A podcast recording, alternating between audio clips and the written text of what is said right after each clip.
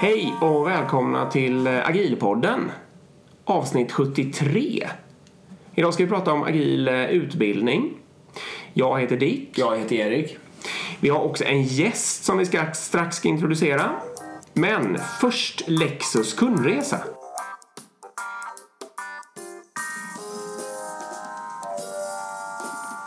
Då säger vi välkomna till del 1 av Lexus kundresa. Ja, Vad är det här för något? Det här ska bli så sjukt kul. Eh, Ni ska få hänga med på ett besök på en återförsäljare när vi ska försöka reda ut kundresan som den upplevs av en Lexus-kund. Ja. Vi ska försöka prata med en kund, vi ska prata med återförsäljaren, vi ska köra en Lexusbil, vi ska kolla hur det är där nere och liksom undersöka hur upplever man det att vara Lexus-kund helt enkelt. Mm, liksom få känslan, när vi, vi kommer ju kliva in då liksom och, hos återförsäljare och liksom få en känsla och titta och sådär. Det ska bli jättespännande. Exakt. Och speciellt då som du säger ur kundens perspektiv. Mm. Det här är ju en följetong då, så ni kommer få under ett antal avsnitt hänga med på olika delar av det här. Och det vi egentligen börjar med att göra det är ju att reda ut vilken återförsäljare ska vi åka till. Vi bor i Stockholm. Då finns det två stycken att välja på egentligen. En norr och en söder. Exakt. Och då gjorde vi helt enkelt så som vi tänker att man hade gjort som kund. Man går in och kollar på Google Re- Reviews. Precis. I alla fall det är så jag gör. Jag går in och kollar på ja, reviews ja, ja. och så läser man lite kommentarer och sådär. Och så får man sig en bild och så bestämmer man sig var man ska åka. Ehm, Och i det här fallet så var det ju ett självklart val. Var så, nu ska jag säga så här snabbt att båda de här två har ju skyhöga betyg för att vara bilåterförsäljare. Ja, otroligt bra. Eh, Men den ena har ju då 4,6 och den andra 4,5. Exakt, och vad tror ni vi åker då? Som var 4,6. Såklart. Och då gick jag in och kollade lite här på Google Maps och slog in då, för då är det den här södra. Då kunde man se lite reviews. Då var det en som skrev att eh, idag har jag lämnat min Lexus för underhållsservice, gett fem stjärnor betyg här då. Alltid ett snabbt och trevligt bemötande och tvätt och lånebil ingår. Just det. Och det är intressant, det ska vi rota i om det gör. Ja. Eh, för det gör det inte det med min bil. Eh, Så det, det är jag mycket nyfiken på faktiskt. Ehm, och sen har vi en också som säger här att, att personen köpte idag en Lexus NX där. Och att det var mm, väldigt trevligt, hjälpsamt, respektfullt, proffsigt och väldigt kunnig personal. Eh, och rekommenderar då starkt denna bilfirma. Bästa personalen i hela Sverige till och med. Oj, oj, oj. Och ger också en femma. Det verkar ju som ett bra ställe att åka till. Verkligen. Jag måste ju flika in här att ett av mina tid... Alltså när Lexus dök upp på min näthinna för kanske sådär en 10, 15 eller till och med 15-20 år sedan eller vad det nu kan vara. Ett av de absolut starkaste första minnena är det här att folk gick runt och var förvånade över att de fick bilen tvättad. Eh, för, för det var ingen hade någonsin liksom varit med om det och så var det helt plötsligt började Lexus-ägare prata om det som en så här fantastisk grej att de överraskade mig med att tvätta bilen. Ja, liksom. det är ju, det är ju verkligen att tänka på kunden ju. ja det Ja men bra, häng med oss så, ehm, häng kör med oss på den här resan så kör vi helt enkelt. Bra. Härligt.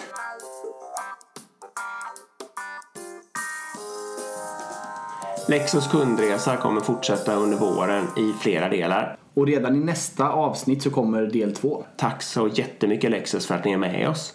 Vi ska också puffa för Agila Örebro. Och nu har vi örnkoll här för, för er som har lyssnat de senaste avsnitten. Nu vet vi att det är den 14 maj. Det går att anmäla sig.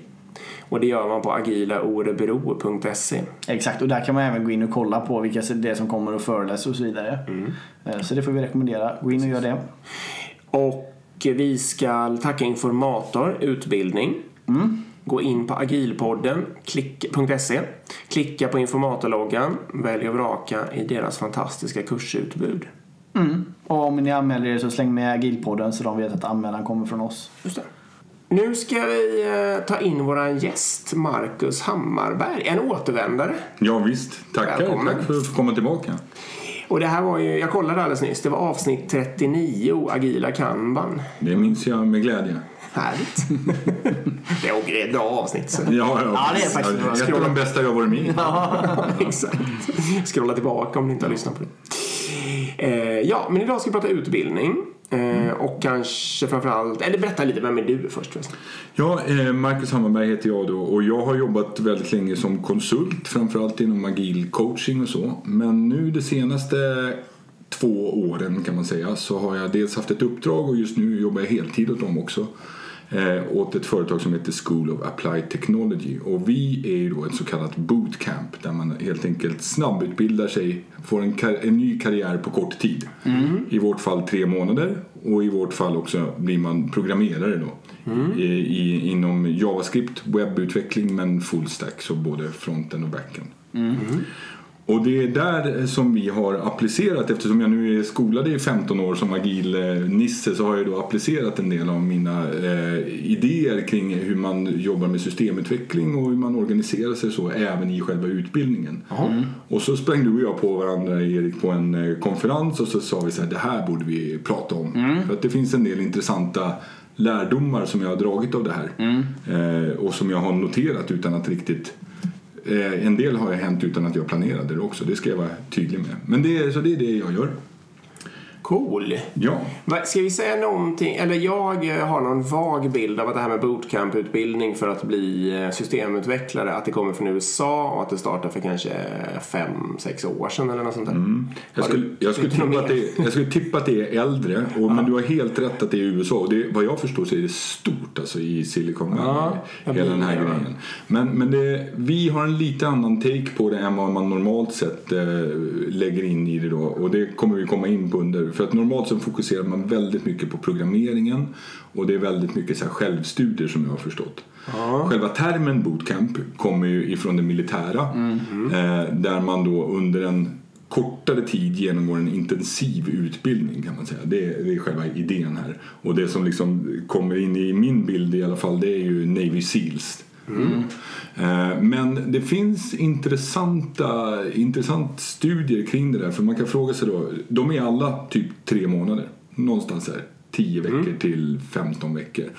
Och då visar det sig att det är en lagom tid att helt försänka sig i ett ämne.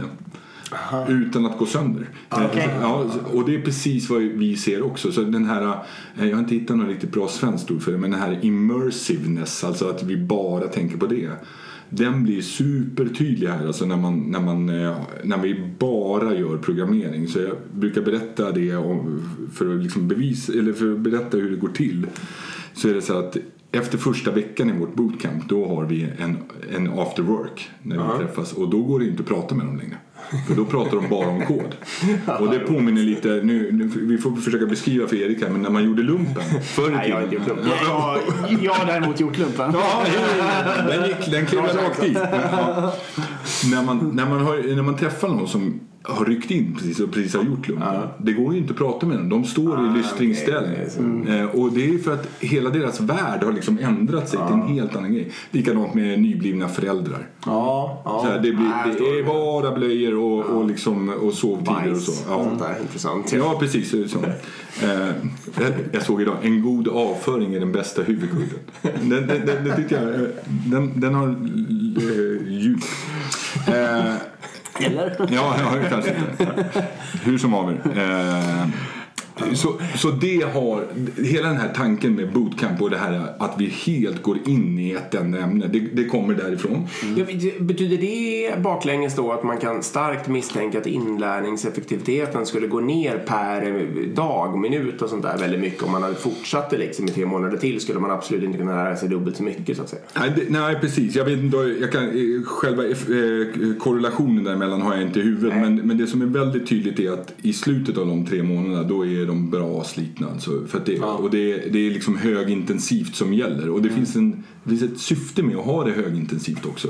Man liksom skapar sig den här, man, man liksom skapar den här eh, känslan av att det här är det enda som finns. Och där, som IT-person så tänker jag också ofta att man liksom så här rebootar hjärnan typ. Alltså, så här, vi, vi ställer faktiskt om den. Så här, jag, jag vet att du tänkte på Teknikmagasinets lager förr men nu ska du bara tänka på callbacks och asynkron programmering. Eh, så. Va- Och ordet bootcamp har också fått eh, dåligt rykte. och vad, lite vad, vad har hänt då? Ja, men det har lite devalverats kan man väl säga. Och, och det är ju så här att det finns ju en skepticism kring det här som jag tror på ett sätt är hälsosam. Eh, och på ett annat sätt eh, som jag själv delade framförallt när jag började. För att det blir ju så här hela friden, kan jag bli programmerare på tre månader? Det tog ju mig... Varför har jag gått fem år på Ja, universitetet? och så vidare. precis. Och, och inte bara det. Först gick jag fem år på universitetet. Och sen har jag nu 15 års erfarenhet här. Kan den där personen lika mycket som jag? Den där. Va? Eh, och, och, så, så det vill jag bara direkt säga. Såklart är det ju inte så. Det här handlar ju om att skopa det. Ja. Men i det här har det liksom uppstått då en del eh, lite, dålig, lite dåligt omtalande kring det här. Och jag tror att det beror på att man har fokuserat väldigt mycket på själva programmeringen. Det vill säga skriv for-loopen så här. Eh, styla ditt, eh, din webbsida så här. Där vi försöker lyfta det här och där jag har sett att vi, man får ut mycket mer om man tänker sig att, program, att vara utvecklare är någonting mycket mer än programmering. Så det kommer vi tillbaka till. Men, men det är därifrån det kommer tror jag den här Ja, okej. lite, för, för det slår ju aldrig fel. Alltså, så fort jag nämner eh, någonting som har hänt på, eh, på, på jobbet när vi utbildar om jag till exempel blir förvånad över nivån de har nått.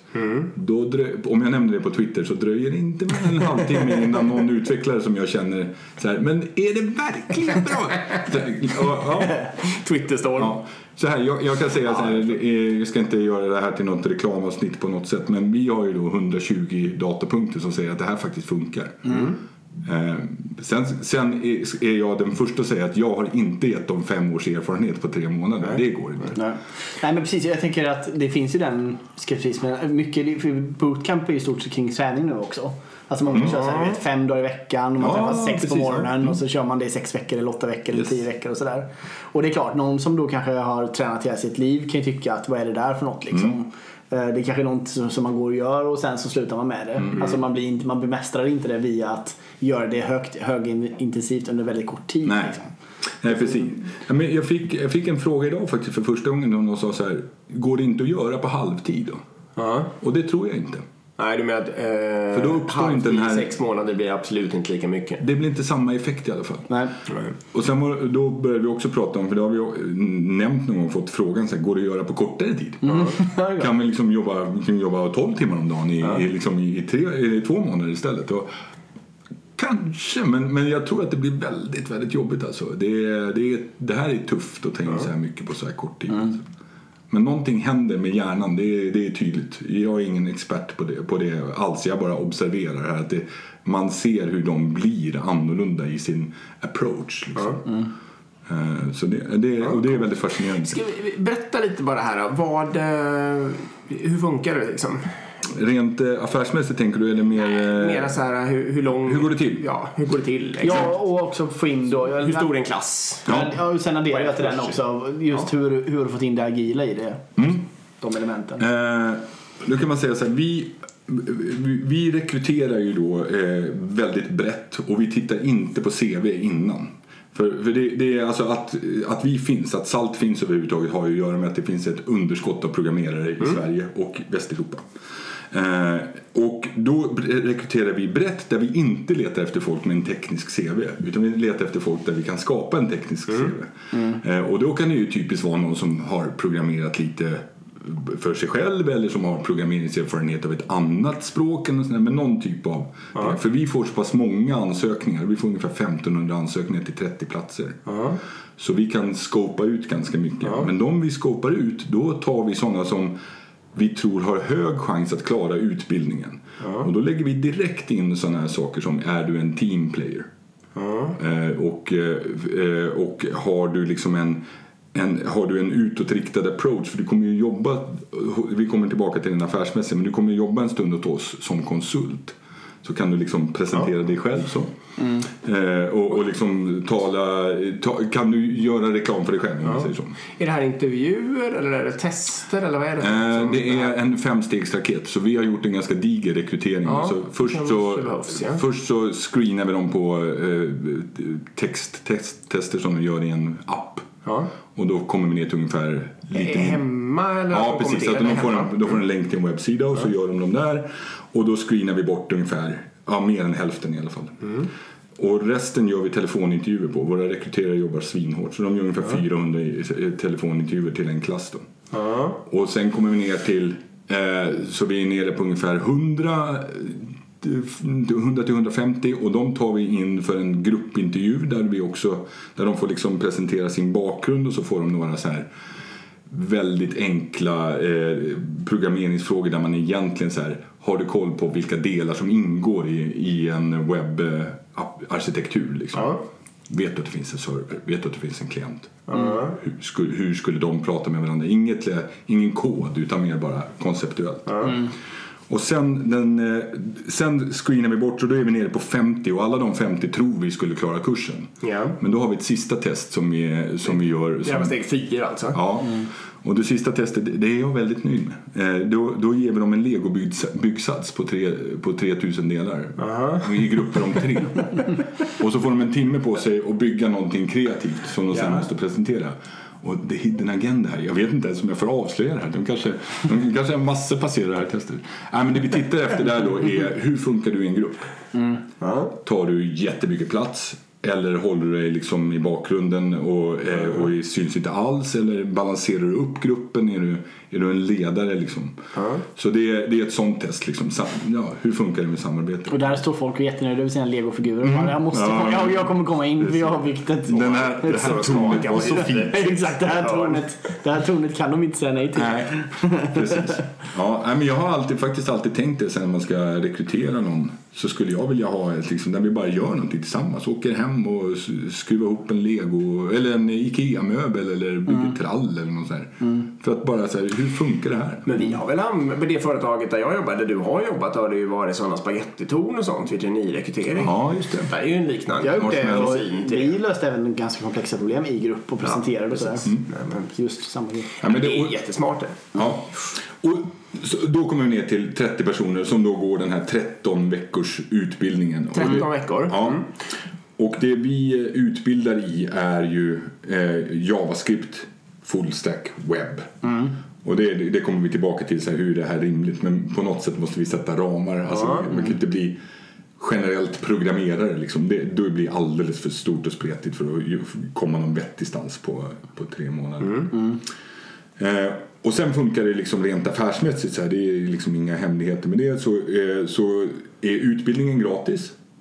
Vi bestämmer då, som ni nyss har hört, vilka som får komma in. Men sen bestämmer vi också vilka som får komma ut. Det vill säga vi har våra kvalitetsmått som man måste klara för att vi tror att det här ska bli rimligt. Att vi ska Ja. kunna hitta ett jobb åt dig och att du ska klara dig också på en arbetsplats. Gör ni tester där under utbildningens gång? Hur ofta då? Ja, varje helg, Varje, varje vecka alltså? varje vecka. Så det är 12 test eller kanske till och med 13? Ja, 12 tester. 12. Och jag har skrivit testerna tror jag är populär bland de, de avskyr mig och, och min, mitt personnummer och mina barn. Och, ja, som, Hur många är det som klarar det? Vi tappar ungefär 20 procent. Eh, någonstans mellan 15 och 20 procent på vägen. Så att 30 försvinner sex stycken Ja, då? något sånt sånt där. Det är ju såklart olika från kurs till kurs. Men det, Ja. så, så, det är ju, så det är inte alls säkert. Då. Men kommer du ut då garanterar vi dig en fast lön och sen hittar vi en anställning åt dig som konsult. Du jobbar som konsult hos oss och så hyr vi ut dig under ett år där Mm. du då på något sätt, vad ska man säga, citationstecken betalar tillbaka vad utbildningen har kostat. Då. Mm. Så det som eleven eh, eller utvecklaren som vi säger själv chippar in i sin tid. För Du får betalt under utbildningen men den är gratis. Eh, och sen då eh, jobbar de åt oss under ett år som konsult. Tillbaka till, eh, eh, till min fråga lite där då. Hur, hur har ni gjort det här eh, agilt, den här processen? Utvecklings eller utbildningsprocessen? Utbildningsprocessen, ja den är på, på, av flera, på flera sätt eh, har vi närmat oss det här på ett agilt sätt. Då. Och det första som är, och kanske mest tydligt är att vi gör all vår utbildning i mobbprogrammering. Och mobbprogrammering då, eh, jag vet inte om ni har haft något spe- speciellt avsnitt om det men jag vet att ni har varit inne på det flera gånger. Vi har haft Woody här. Ja. Oj, då vet ni allt om det. Ja. Men väldigt enkelt. Det, det var ju precis, det var väl mobb och eh, No budget, no estimates. Ja. Ja, precis. Woody är ju en av mina mentorer. Eh, Jag träffade honom bara i förra veckan för Ja, Han är helt fantastisk. Han är Ja, jättemysig. Han har varit och besökt oss flera gånger också. Eh, Och vi är en av de enda stället som gör eh, mobbprogrammering i, i utbildningen. Ja. Väldigt kort kan man ju säga att det är fyra till fem personer i en grupp, ett tangentbord, en skärm. Men vi har liksom skruvat upp det här till 11 då. För att de här är alla nya i att jobba i en professionell teamsetting. Så därför, det, det här är ju jättefarligt men jag får bestämma saker i, på skolan där. Det brukar jag aldrig få annars. Nej, för folk har vilja. Ja, ja, de vet ju Men nya får. människor Ja. har ja. vilja. Nej. Så att när de kommer dit då har vi bestämt saker. Till exempel att eh, den som sitter vid tangentbordet får inte prata. Nej.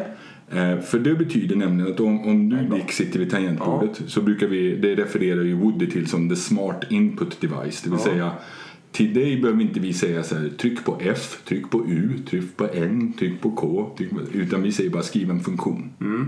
Kalla den för eh, räkna ut ålder och låt den ta en age-parameter. Mm. Och där blandade jag till och med svenska och engelska men du fattar att det är sven- engelska bara till exempel. Eh, Så du är då en smart input device. Men det som händer här som jag har noterat och där liksom det här verkligen skiner upp då det är att i och med att de är så pass färska, eller för oss seniora utvecklare också, så måste jag ju ta min liksom vaga bild av vad vi ska göra nu som jag har i huvudet och konkretisera den i ord. Och alla som har försökt förklara hur någonting fungerar för en femåring vet ju att även enkla saker kan vara svårt att uttrycka. Så i och med att jag gör det, då uppstår ett lärande i att, att jag gör det. Och därför har de också alla en whiteboard. Alla mobbar måste ha en whiteboard i närheten. Professionella eller i vår skola. Det är, en whiteboard är det bästa verktyget. Där de liksom säger, nej men jag menar en sån här, och så kan de rita en låda och dra en pil och så här. För att i början har de liksom inte språket. Nej. Så de säger inte funktion, de menar en sån där som sen ropar på den där. Liksom, ja. Så det är ett lärande i att jag försöker konkretisera mina vaga termer i, i liksom ord. Då. Men sen uppstår ett annat lärande också, för, och det är i ditt huvud Dick, när, när du ska liksom översätta det här till kod. Eh, För att säga, jaha, hur gör jag det? Så här. Sen är det inte så strikt att du måste vara helt tyst om du inte förstod vad jag sa eller om du inte hörde, då får du såklart säga. Men Nej. idén är att du får inte ta eget initiativ. Nej. Mm. Men jag tänkte också när man sitter där med tangentbordet och inte vet så är det väl bara att titta på de andra och se frågande ut så kommer de väl Ja, ja, precis. fler goda råd Ja. liksom, om man vill hålla sig till regeln. Exakt, och, och det där promotar ju också en, en, liksom ett frågan, liksom, en, ödmjukhet och en, ett lärande mindset. Då. Den allra, allra första övningen vi gör är det att vi, jag får hela klassen att säga efter mig Jag vet inte. Och sen säger de och så säger jag så här, nu ska ni säga jag fattar ingenting. och så väntar vi en gång till och så säger så här, fast du förklarar det där för mig så förstår jag fortfarande ingenting. Så, att man, och man övar på det där. Och vi har ju ganska många, vi har ungefär 14 nationaliteter per klass. Och då kan man se att i vissa kulturer är det där väldigt konstigt alltså. Väldigt svårt att göra det. Jag har ju, jobbat i Indonesien till exempel. Där skulle man inte säga så. Nej. Så, och, eller, och jag kan tänka mig även i en del Även i amerikansk kultur gissningsvis är det där inte bra. Nej. Att säga att jag är förvirrad. Men det måste du skapa om, om vi ska Ja, ja. Så de blir liksom sina bästa lärare då, i den här lilla gruppen. 14, alltså så i snitt så innehar Sverige nationalitet av ungefär två individer. Fast Ja. jag kan tänka mig om det är i Sverige så är det väl Ja. övervikt svenskar. Ja, precis. Men ändå. Så är det. Nej, det Ja, är ja. väldigt, och det blir ju häftigt så här rent. Jag har alltid sagt att vi borde hy- borde hy- hyra ut en så här forskningsplatser till antropologer eller något. För att det, det är så här, vad händer när du har en chilenare, en från Bangladesh, en svensk och en, en, och en italienare i samma grupp? Liksom. Det, är- det är odefinierat, ingen har testat det förut. Så, så det uppstår ju ganska häftiga saker där. Det uppstår en del ganska häftiga krascher också. Men, och, och det är nästa grej som vi kommer in på med det här som jag har noterat liksom med, med teamutveckling. Så det är det första. Och, eh, där vi använder agilt. Sen är det ju då den första tiden i vårt program eh, som våra eh, utvecklare har valt att kalla Hell Weeks. Också Det är ifrån, första delen av projektet. Mm, det är det första som händer. Och det går till så här. Eh, dag noll, fredagen innan de börjar, då träffas de och så säger vi bara så här. Ni fyra här, ni är nu en mobb. Ja. Och sen har de en liten övning, eh, jag kan ge en länk till den sen på, som jag fick från den här boken som heter Five Dysfunction of a Team. som egentligen handlar om så här, lära känna varandra. Vi litar på dem som vi känner. Och det är enkla frågor, så här, vad, hur många bor i den staden du kommer ifrån? Vad var ditt första jobb? Vad var ditt bästa jobb? Sådana typer av frågor. Eh, Så de lär känna varandra lite, lite grann. Sen kommer de in på måndag morgon. Och då har de en kort, kort föreläsning där vi egentligen bara säger här, det här är det som ska hända den här veckan. Vi bara ger dem programmet liksom. Sen går de upp till sin mobbstation. Där de, och då har de alltså aldrig jobbat ihop förut. De har inte gjort någon JavaScript alls. Och så får de en länk till ett GitHub repository och när de checkar ut den så får de ner en full stack JavaScript-applikation som inte har några ramverk utan den är skriven på gammel JavaScript. Eh, och den har en frontend med, som gör ett HTTP-anrop in till en backend. Den har unit-tester, integrationstester och end-to-end-tester. Men vi har tagit bort tre rader kod i mitten. Och så ska de hitta och fixa. Resten av dagen, det tar dem åtta timmar. Ja, ja det kan man förstå. Ja, men det, det brukar hade gå. gått för mig också. Ja, precis. Och, och vad, vad är liknande? För nu, nu såg jag att ni, liksom jag, skrattar lite så här. men, men, det är lite evil. ja, men så här, varför gör jag så mot dem? Ja, men vad påminner det där om? Första dagen på jobbet kan jag säga. Ja, Första dagen på jobbet. På varje nytt jobb jag har kommit till, då har jag känt mig sådär. ja just, Dag två får de ut samma applikation och då har vi tagit bort tre rader kod på två ställen. Det. Men då går det fortare. Precis. Dag tre då tar vi bort en hel modul och så får de skriva den igen. Dag fyra skriver de en ny modul och så bygger vi upp det där. Och då finns det, det där pågår under två veckor. Och under de två veckorna så gör vi liksom en överflygning av hela området så de har sett allt fast i gammelvärlden då, hur man gjorde det förr i tiden. Men eh, det det framförallt gör det, det är att jag har byggt ihop ett team. Efter de två veckorna så har man gått igenom den här, jag vet inte om ni känner, igen, eh, känner till Tackmans eh, teammodell. Absolut. Ja, utvecklingsmodeller för team. Forming, det är typ ni är team. Storming, det är så här, måste du prata när jag pratar? Eh, eller, och, så där, och så blir man lite arg och det uppstår liksom lite gnissel där. Tar man sig förbi den kommer man in i det som heter norming där man är så här vi gör så här, du pratar först och den som håller i pinnen får tala liksom att det finns alla möjliga sätt att göra det. Och när, man liksom, när det där har satt sig och verkligen är liksom bara second nature först då kan man komma till det som heter performing då, som är sista steget. Och det, det vi ser är att de här två första veckorna de skickar de ju väldigt snabbt in i en stormingfas. En del team tar sig ur det där väldigt snabbt också. Eh, vi, Det är snabbt. Ja, då. Det är, och inte så att det är på dagen, men det intressanta är att de flesta team kommer till mig dag två och säger så här jag tror vi gick förbi allt det där på en dag. Och jag säger, det tror jag inte att ni gjorde. Vänta, hör av dig igen om en vecka. Liksom. Och mycket riktigt, det kommer ju oftast lite senare. För att man är, när man träffas är man ju oftast ganska ödmjuk och trevlig och bara, jo nej men du pratar nu, ja du har säkert rätt och så. Men det går rätt fort alltså när man, just, när man jobbar så mycket tillsammans som de gör. För det är, ni kör åtta timmar per dag liksom? Ja, precis. Så varje dag är exakt likadant. Vi kör en kort eh, föreläsning på morgonen. Lite för kort för att man ska lära sig ämnet men det är egentligen bara för referens. Och sen resten av dagen är tillämpad lärande då. När man faktiskt gör det.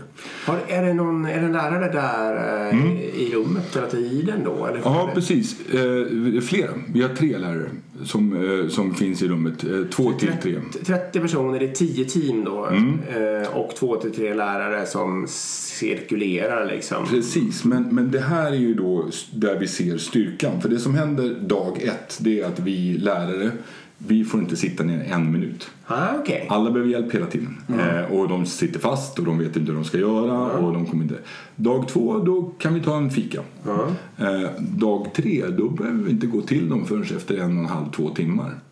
Och vet du att liksom, om vi spolar fram en vecka till, så i slutet av andra veckan, då har vi nästan inget att göra. Ah, okej. För det som händer det är att de skapar ett sätt själva i gruppen att lära sig där de liksom hjälper varandra och så. Eh, Och om inte de kan, ja då går de till gruppen bredvid och säger så här, har ni löst det här? Och så skapar de, de så de, de är jättebra på att lära sig hur man lär sig. Eh, Och hur man söker så, de, så här, att man inte fastnar liksom. Och det där har fascinerat mig så hur, för jag tänkte först så här, vi bara sitter här och slöar. Men så insåg jag att det där är ju det bästa som kan hända. Att jag inte behövs och de ändå fattar. Så får man ju se att de faktiskt fattar. Det är ju det vi har testerna till. Då. Men, så. Men eh, Erik, du var inne på lite det här med agila grejer. Vi har några saker till som gör som man skulle kunna sortera in under det. Då. Och en eh, annan sak som jag har fått bestämma eh, det är att alla måste göra en daglig retrospektiv. Okej. Per... Per grupp, grupp ja, per mobb. Eh, Så innan vi börjar med föreläsningen då träffas de och tar en fika. Det tycker alla icke-svenskar är jätteroligt att de tar en fika just då. Men, ja. Så då sitter de ner och fikar och det jag vill egentligen att de gör det är att de går runt i gruppen och säger så här Vad lärde du dig igår? Och så delar de det med varandra. Och sen så frågar de en fråga till. Hur gör vi idag bättre? Och det är nästa fråga. Och det är ju också det som driver det här att de att det liksom, det, de lär sig ju snabbare än vad jag har sett på andra ställen. För det ifrågasätter så här, det, det där vart inte bra. Liksom. Timmen efter lunch, då är vi för trötta. Kan vi inte gå ut och gå då istället? Eh, och, eller bara, vi vänder på bordet. Eller, Jag tänker att vi tar första halvtimmen till självstudier.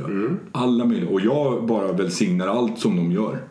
Så länge de liksom lär sig grejerna så är jag fine med hur, att de gör på annorlunda sätt. Liksom. Ja, blir det tokigt så kommer de ändra tillbaka Ja, och så vidare på nästa del. ja precis. Och här har de ju också oss som stöd. Så det gör de. Sen gör vi också en vecko retro med demonstration på slutet. Men det är ju egentligen mest för att de också ska få uppleva den här kadensen av en sprint. Typ. Så att då, då delar de, för att det som händer är att de här teamen blir ju supersammansvetsade. Det är inte ovanligt att vi ser dem liksom komma och gå i grupp också till, till lokalerna. Hur länge lever de? I 13 veckor? Ja, ja precis. det gör. Mm. Vi har några gånger sålt hela grupper. Ja, jag skulle säga det. Det skulle vara ganska bra utvecklingsteam. Och... Det, det är ju otroligt. Alltså, då, vet, då får du ju ett team som är sammansvetsat Ja. redan. Och de är ju så här i slutet av den här perioden. Då, jag, jag blir nästan mörkrädd över vilka grejer vi kan kasta på dem på kort tid. Första Mm. gången vi körde kursen, det här är preskriberat nu för nu är det fem gånger, men då då kom vi på dagen innan vi skulle börja en ny vecka så här, det här, vi skulle prata om databaser, det är en vecka på slutet vi pratar om databaser. Mm. Och då kom vi på så här, det, det kommer på fredag bara, det här kommer bli för svårt för dem att installera på sina datorer och få upp det och det är mäckigt. Mm. Vi behöver lära dem dockor. Och dockor, det var en sån här mindbender för mig. När jag, när jag lärde mig det, jag bara, vad är det här ens? Hur funkar det? En hel dator som en fil och vad laddades ner i lager? Jag fattar ingenting. Men då var de så inne i det här lärandet så vi gjorde en 15 minuters föreläsning och en en timmes labb och sen var det, från den dagen så bara körde alla dockor. Och jag var bara så här, vad i hela, hur är det möjligt liksom? Och det, jag har en liten sekvens från, eh, det finns en bra dokumentär om Navy Seals på National Geographic. Och då berättar de i slutet av deras bootcamp. Då har de ju bara de som orkar kvar.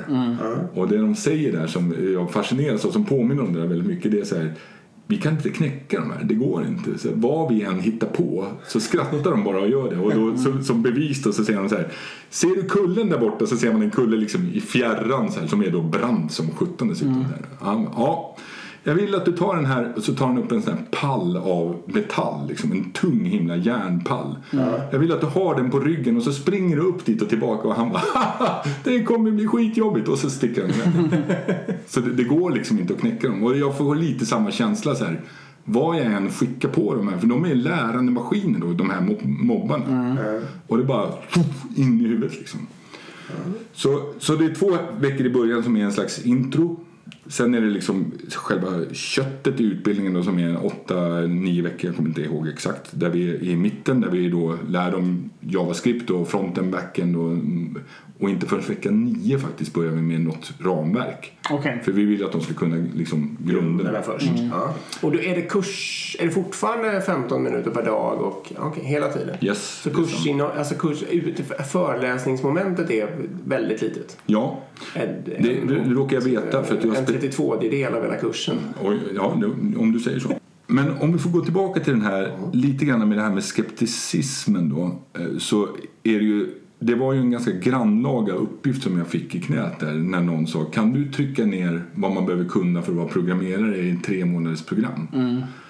Och det första jag och eh, en eh, kollega som heter Jakob Lisinski vi skapade den här kursen tillsammans. Och det första vi sa när vi kom in i ett rum och hade satt oss ner det var mobbprogrammering och så skakade vi hand på det och var helt nöjda. Tyckte att det var ett bra verktyg. Liksom. Ja. Och sen nästa grej var i princip så här, vad ska vi ta bort? För då insåg Ja. vi så här, och, och i, här blir ju då agilt fast det är någon slags hur närmar man sig ett projekt. eh, Så här, där vi började med att säga vi måste vi måste liksom scopa bort massa saker för att det här ska bli rimligt och för att vi ska kunna gå så pass djupt att man faktiskt blir användbar i ett team eh, och inte bara blir en last. Så där började vi with the end in mind och han och jag är båda konsulter så vi sa så här vad behöver man kunna för att jag inte skulle skämmas om den här personen kommer till mitt team? För mitt konsultbolag. Nu, nu kommer Erik, han har gått det här programmet. Då vill jag inte känna så här, "Ka, okej, ha- jag håller honom, jag tar hand om honom här de första veckorna. Nej, vi ska inte känna så. Vad behöver man kunna då? Ja, då är det ju en massa saker som man kanske inte behöver kunna som jag lärde mig på universitetet. Så Ja. Nätverksprotokoll och Ja, fick jag två kurser i. Och, eh, och hur jag skriver en D-uppsats på tal om det. Så en Ja. åttondel av min tid på universitetet la jag på det. Och, ja, och sådär. Så man kan skopa bort. Det är inget fel på universitetsutbildningar, jag dissar inte dem. Men de är ju inte tillämpade. Det är ju inte det som är grejen. De Nej. utbildar Och det ju är för... mer teoretiskt ja. Ja, precis. Och precis som, som eh, vi var inne på innan här. Alltså du, man lär ju sig för att lära där.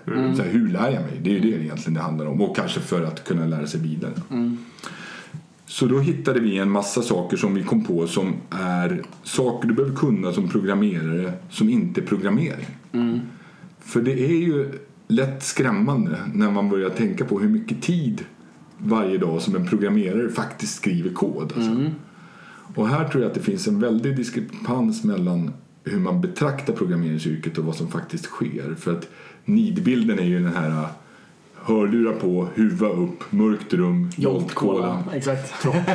Att du, att du och jag säger detsamma. Har vi jobbat på samma ställe?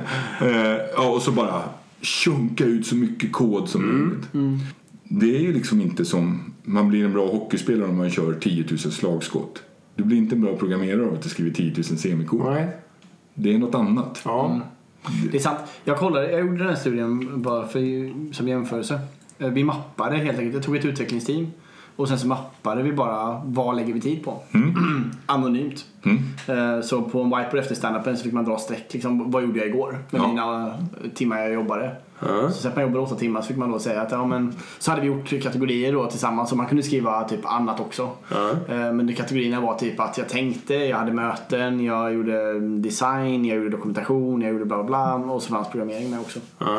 Och, och sen så bara gjorde vi det över, jag tror det var en eller två veckor. Och sen summerade vi ihop och sen så bara procentuellt, vad lägger man sin tid? Vad lägger tiden sin tid? Ganska kul övning. intressant. Jag rekommenderar att göra den. 30% blev det på att skriva kod. Kodskrivning. Jag, jag har också hört någonstans mellan 20 och 40 är liksom här industristandard. Men då hade du tänka som en annan eh, Mm. kategori till exempel, ska jag säga. Så. Så att, precis. Och jag menar, många av de där sakerna du räknar upp är ju helt alltså, jätteviktiga ja. förutsättningar Eller- för att man ska precis. kunna skriva bra Ja, exakt. Eh, m- Men, men så är det. Och jag har ju jobbat på bolag där jag har fått boka in, jag har fått blocka av tid i kalendern för att, för att programmera för Mm. teamet. Liksom. Där, tisdag eftermiddag, torsdag förmiddag, då programmerar vi. Och då blir man ju bara såhär, vänta, va? Hur kunde va? det bli så här? Ja, precis. Ja, för risken är ju, det är ju en annan sak, men risken är att man, det är ju, man kan ju göra den här mätningen ut- utifrån perspektivet också, att risken är att man har alla möten och de skapar inte värdet utan de är bara en blocker för att Mm, exakt. skriva kod. Nej, och, och jag, sak. jag tror det, det är lite på ett sätt farligt när man gör den så här, va? Programmerar vi så här lite? Ja, men resten av tiden förbereder vi ju för att det där ska kunna bli bra. Eller det är ju inte det som vi gör i de andra grejerna som gör att vi kan programmera bra. Det, jag tror inte man ska närma sig det som att man tänker att man ska ha massor med oavbruten tid att bara sjunka ut Nej, kod. nej visst. Det blir inte bra i sig. Men vi har försökt att få med det som liksom moment i det här då för att vi insåg ju när vi gjorde kursen att det är faktiskt det är andra saker som vi vill ha av en, en bra utvecklare i teamet som inte bara är hur man skriver kod. Liksom. Inte av den. Om vi tar teknikspåret där bara Mm. och kollar på webb, för det är intressant för nu är det det ni har valt att, att göra webbutveckling. Det händer ju... lite, men nu får ni akta er. Lyssna. Nej, det här är ju Nu blir det nörd. Nördhjälmen på. Nördvarning. Ja, lite kanske. Men det händer, det händer ju otroligt mycket där. Det Mm. ändras ju, standarden, industristandarden ändras hela tiden. Mm. Och ramverken åker ju bara, så fort de kommer in så åker de nästan ut. Om Ja. man tänker på framförallt resan med Angular och React då. Ja. Ehm, vad är din spaning på det och hur tror du framtiden kommer se ut? Nej, men alltså där är ju, framförallt JavaScript-utveckling är ju extrem. Det har ju exploderat.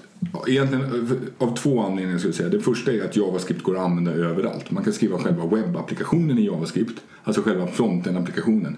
Men det är ju även en väldigt eh, eh, vad heter det, tillräknelig lösning på backend. Alla stora cloud providers stöttar ju Node.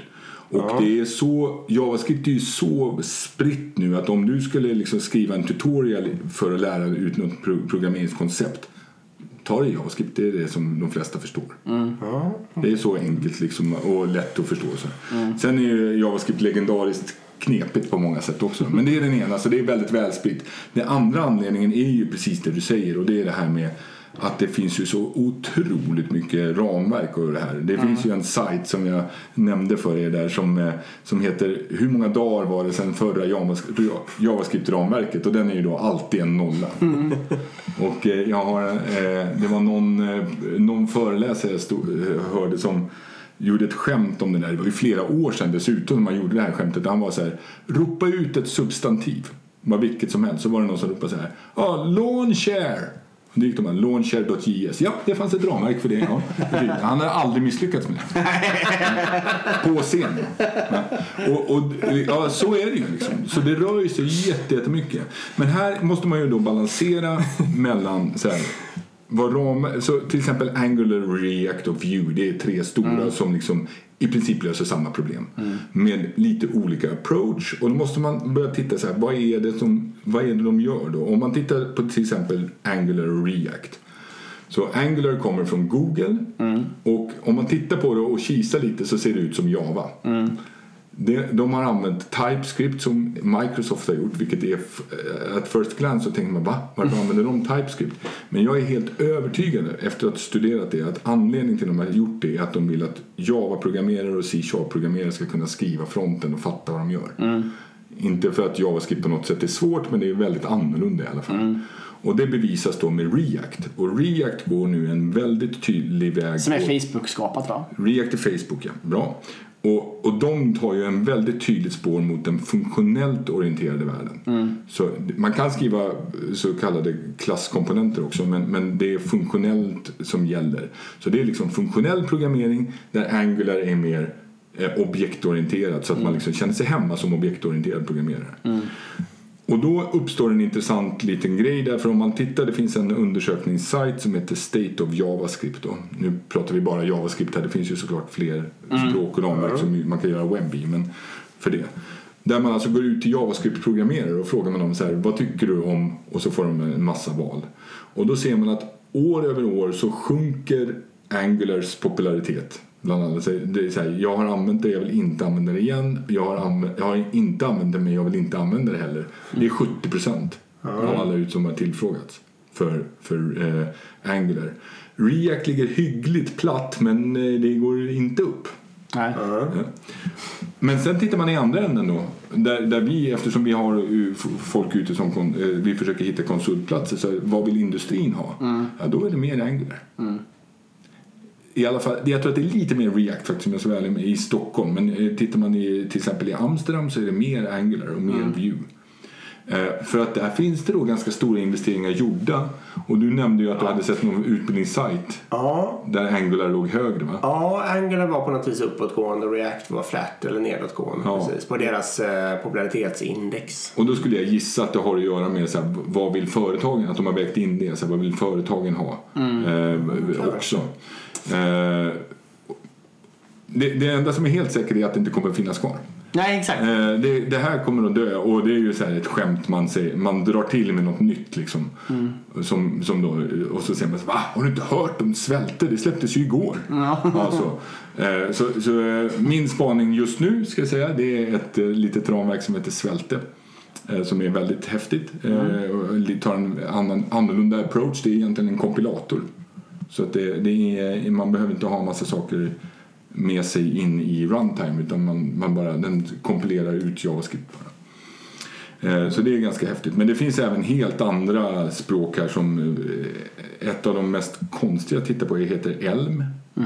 Och det är ett helt eget språk som är byggt ovanpå JavaScript.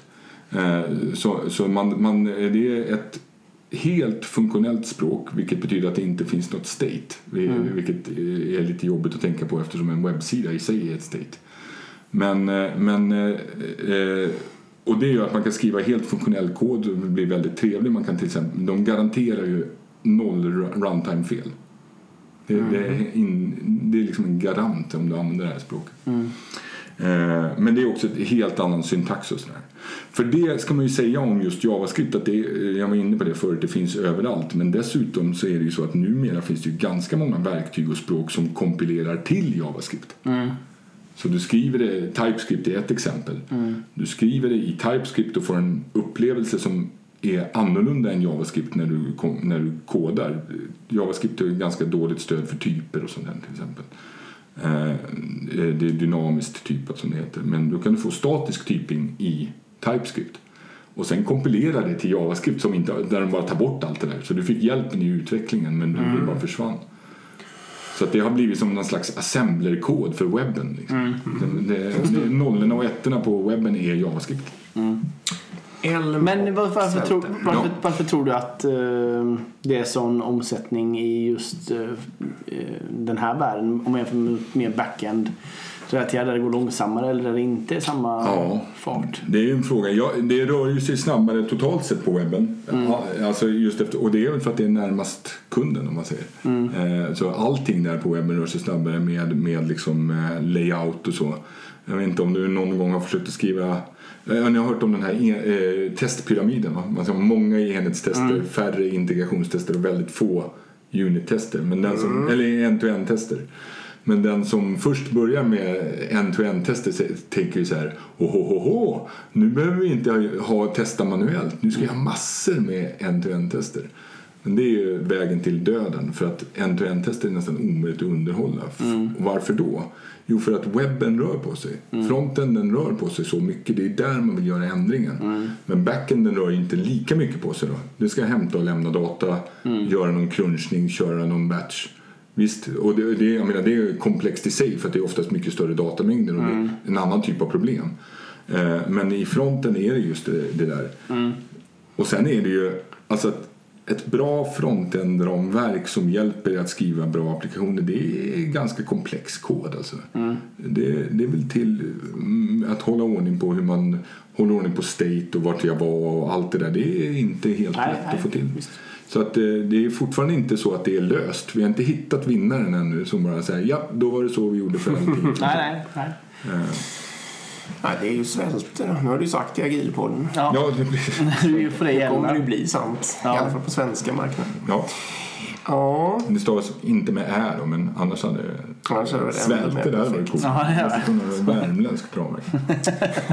det är kanske är det vi ska skapa då. där fick vi idéer. Ja. Ja. Mycket bra. Ska vi, du pratade också om det att du, eh, du vet uh, vad det är som gör att man får ett jobb eller inte. Ja, kan, precis. Ska vi Hemligheten bakom ett ja eller nej. Ja. Den, och den har vi, vi har bara fått höra att du vet. Vi har inte fått höra vad det är. Nej, och det är lite så här, eh, vad heter det? resonemang eh, genom att ta bort saker.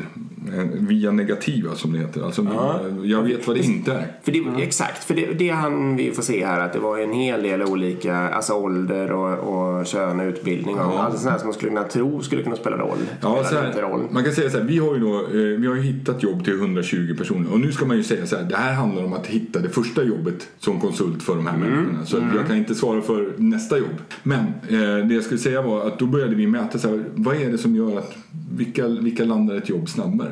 Och då har ju vi massa datapunkter på de här för vi har ju gjort mm. dels själva rekryteringen så vi vet var de ligger logiskt och så. Mm. Eh, och sen har vi också gjort massor med tester på dem under mm. kursen. Men, och vi blev eh, lite chockade.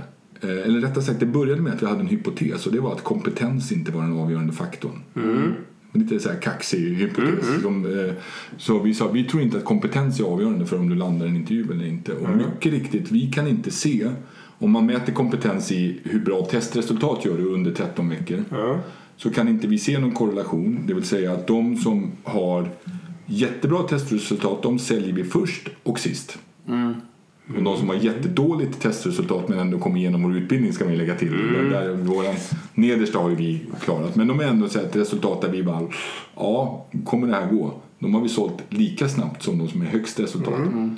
Och lika långsamt som de är. Så det finns ingen korrelation där. Nej. Nej. Och likadant har vi sett då om du är mycket, den, den, en av dem, vi har sett att om du är mycket bättre än de andra i din klass då finns det en lite svag korrelation. Det kan man ju förstå kanske. Mm, mm. Något sånt. Men den är väldigt, det, det, är inte någon tydlig. Logik, ingen korrelation. Hög logikscore så går, går du först och sist. Eller låg logikscore mm. går du mm. först och sist. Men då å andra sidan om man redan har valt 30 av 1500 människor. Ja, precis. Men det är en ganska stor spread. Men ja, det är det ändå. Det är en ganska okay. stor spread ska jag säga. Alltså, Även vi har inom er grupp. Ja, precis. Och det, sen kan man ju säga så här, vad säger ett sånt här logiktest? Nej. Jag gjorde ett för referens och jag blev, jag blev svinstressad för jag visste inte att det var på tid. Ja. Jag gjorde, stod och gjorde makaroner så tänkte jag att jag skulle liksom, ja, så- du vet. så jag jag bara, barn ni får det." äta sen liksom. Ja. Eh, Så, så att det, det beror ju på vad man har för förutsättning för att göra det. Mm. Så. Men, eh, men sen har vi inte sett någon skillnad eh, på kön, tacknämligt. Ja. Utan det är ungefär lika. Eh, Sen har vi lite färre tjejer men, men ändå mer än vad vi har generellt, Mm. generellt i branschen. Vi har inte sett någon skillnad på om du talar svenska Nej, okej. eh, eller inte. lite positivt. Det är väldigt härligt att se. Eh, Vi har sett en liten skillnad på om du pratar lite sämre engelska. Då blir det liksom väldigt svårt. Alltså, Det betyder att du inte pratar svenska då. Och inte så bra engelska. Då blir det jobbigt. Men, men å andra sidan har vi redan screenat för det så det datat är också lite, Ja, ja inte så tydligt. säga. Mm. Vi hade ett tag, vi trodde att hypotesen var att ålder spelade in. Ja. Och att äldre gick först. Aha. Vilket var lite förvånande. Så, att- så ju Mer, det känns som att man är mer erfaren kanske. Ja, jag tror att det var det som spelade in. Men det är också väldigt svag korrelation. Då. Men det vi tror eh, att det här handlar om är kan du berätta för någon annan vad du kan? Okej. Förmågan att berätta Yes. vad Kan vi testa jag det? kan. Eh, om vi kan testa det? Alltså kan ni testa den hypotesen? Eh, ja, det har vi funderat på. Jag vet inte. Vi får ju nog en känsla av det. Men, men, och det, det baserar jag på det här eh, som ni har säkert också rekryterat folk om man sitter i intervjun. Och då är det så här, när någon börjar prata om det här ämnet som jag kan, i det här fallet programmering, då hör jag ganska snabbt om den här personen är med på noten eller inte. Eh, jag brukar ta exemplet, jag är helt ohändig. Eh, Men om jag skulle sätta upp en vägg hemma då skulle jag ju kunna resonera så här, ja men det, det är väl någonting man sätter i golvet, någon list där och så skruvar man fast det i väggen och sen sätter man in någon slags ramar gissar jag, och så fyller man det med någonting och så, ja. Men det, alla de där grejerna heter ju någonting.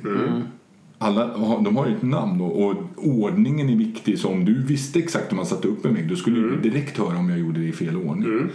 Likadant är det när man pratar om programmering tycker jag. Om man säger så här, beskriv, beskriv vad som händer när man liksom klickar på knappen här och till, till att man får tillbaka, man ser listan av eh, hockeylag. Då hör man ju så här, ja den går väl ner och hämtar någonting i någon låda och så, så här, det, ja nej det här är inte någon som vet utan om jag istället säger så här, ja men det görs ett API-anrop över HTTP och där kommer vi ju då ta emot själva requestet som vi sen behandlar genom att spara, då har jag ju direkt sagt den här personen är med. Det tror jag är en nyckelfaktor. Så kan du prata om kod och kan du presentera dig själv så att jag känner mig trygg med det. Men, men igen, då är vi tillbaka till det här med, eh, vad ska vi säga, eh, med, att det här handlar om att landa första jobbet. Då. För, i och jag har för inte sig. upprepat det här för samma person Nej, många för gånger. Liksom. Så, Nej, precis. så, ja. Ja, spännande. Ja, otroligt spännande. Ja. ja, Också lite glädjande där, alltså att inte kön och ålder. nej, ja, det var jättehärligt att se. Eh, bra Sverige. ja, faktiskt. Bra jobbat. Bra branschen. Okej, har vi något mer vi vill tacka eller känner oss nöjda? Ja, jag tror att vi har touchat på det vi var inne Om man blir sugen så kan man väl gå in då. Man googlar på salt så hittar man väl Ja, precis. Salt.study eller salt.dev är det. Bra, då ska vi ta och runda av det helt enkelt. Om ni vill, något, vill någonting till oss så hör av er till agilpodden.gmail.com. Ja, Följ oss på Instagram, agilpodden. precis. Eh, och så ska vi säga tack till informator. Ja, Ja, och kolla in Agila Örebro. precis. 14 Hade du hade ju varit på en nätverksträff med Ja, precis. Jag har ju varit på lilla Agila Örebro. det, Bara det var jättebra. Så Agila Örebro är fantastiskt. Jag är alltid imponerad över talarna som Eller hur? De är, de är väldigt. Väldigt bra Ja, talare. jag är också imponerad över det. Väl värt att gå dit. Eh, bra. Och tack till Lexus. Ja, tack till Lexus också. Och tack till alla som lyssnar. Och tack för att du kom hit. Ja, men tack så mycket. Och det har jag inte sett, sagt heller, men gratulerar till boken som ni har gjort. Ja, tack.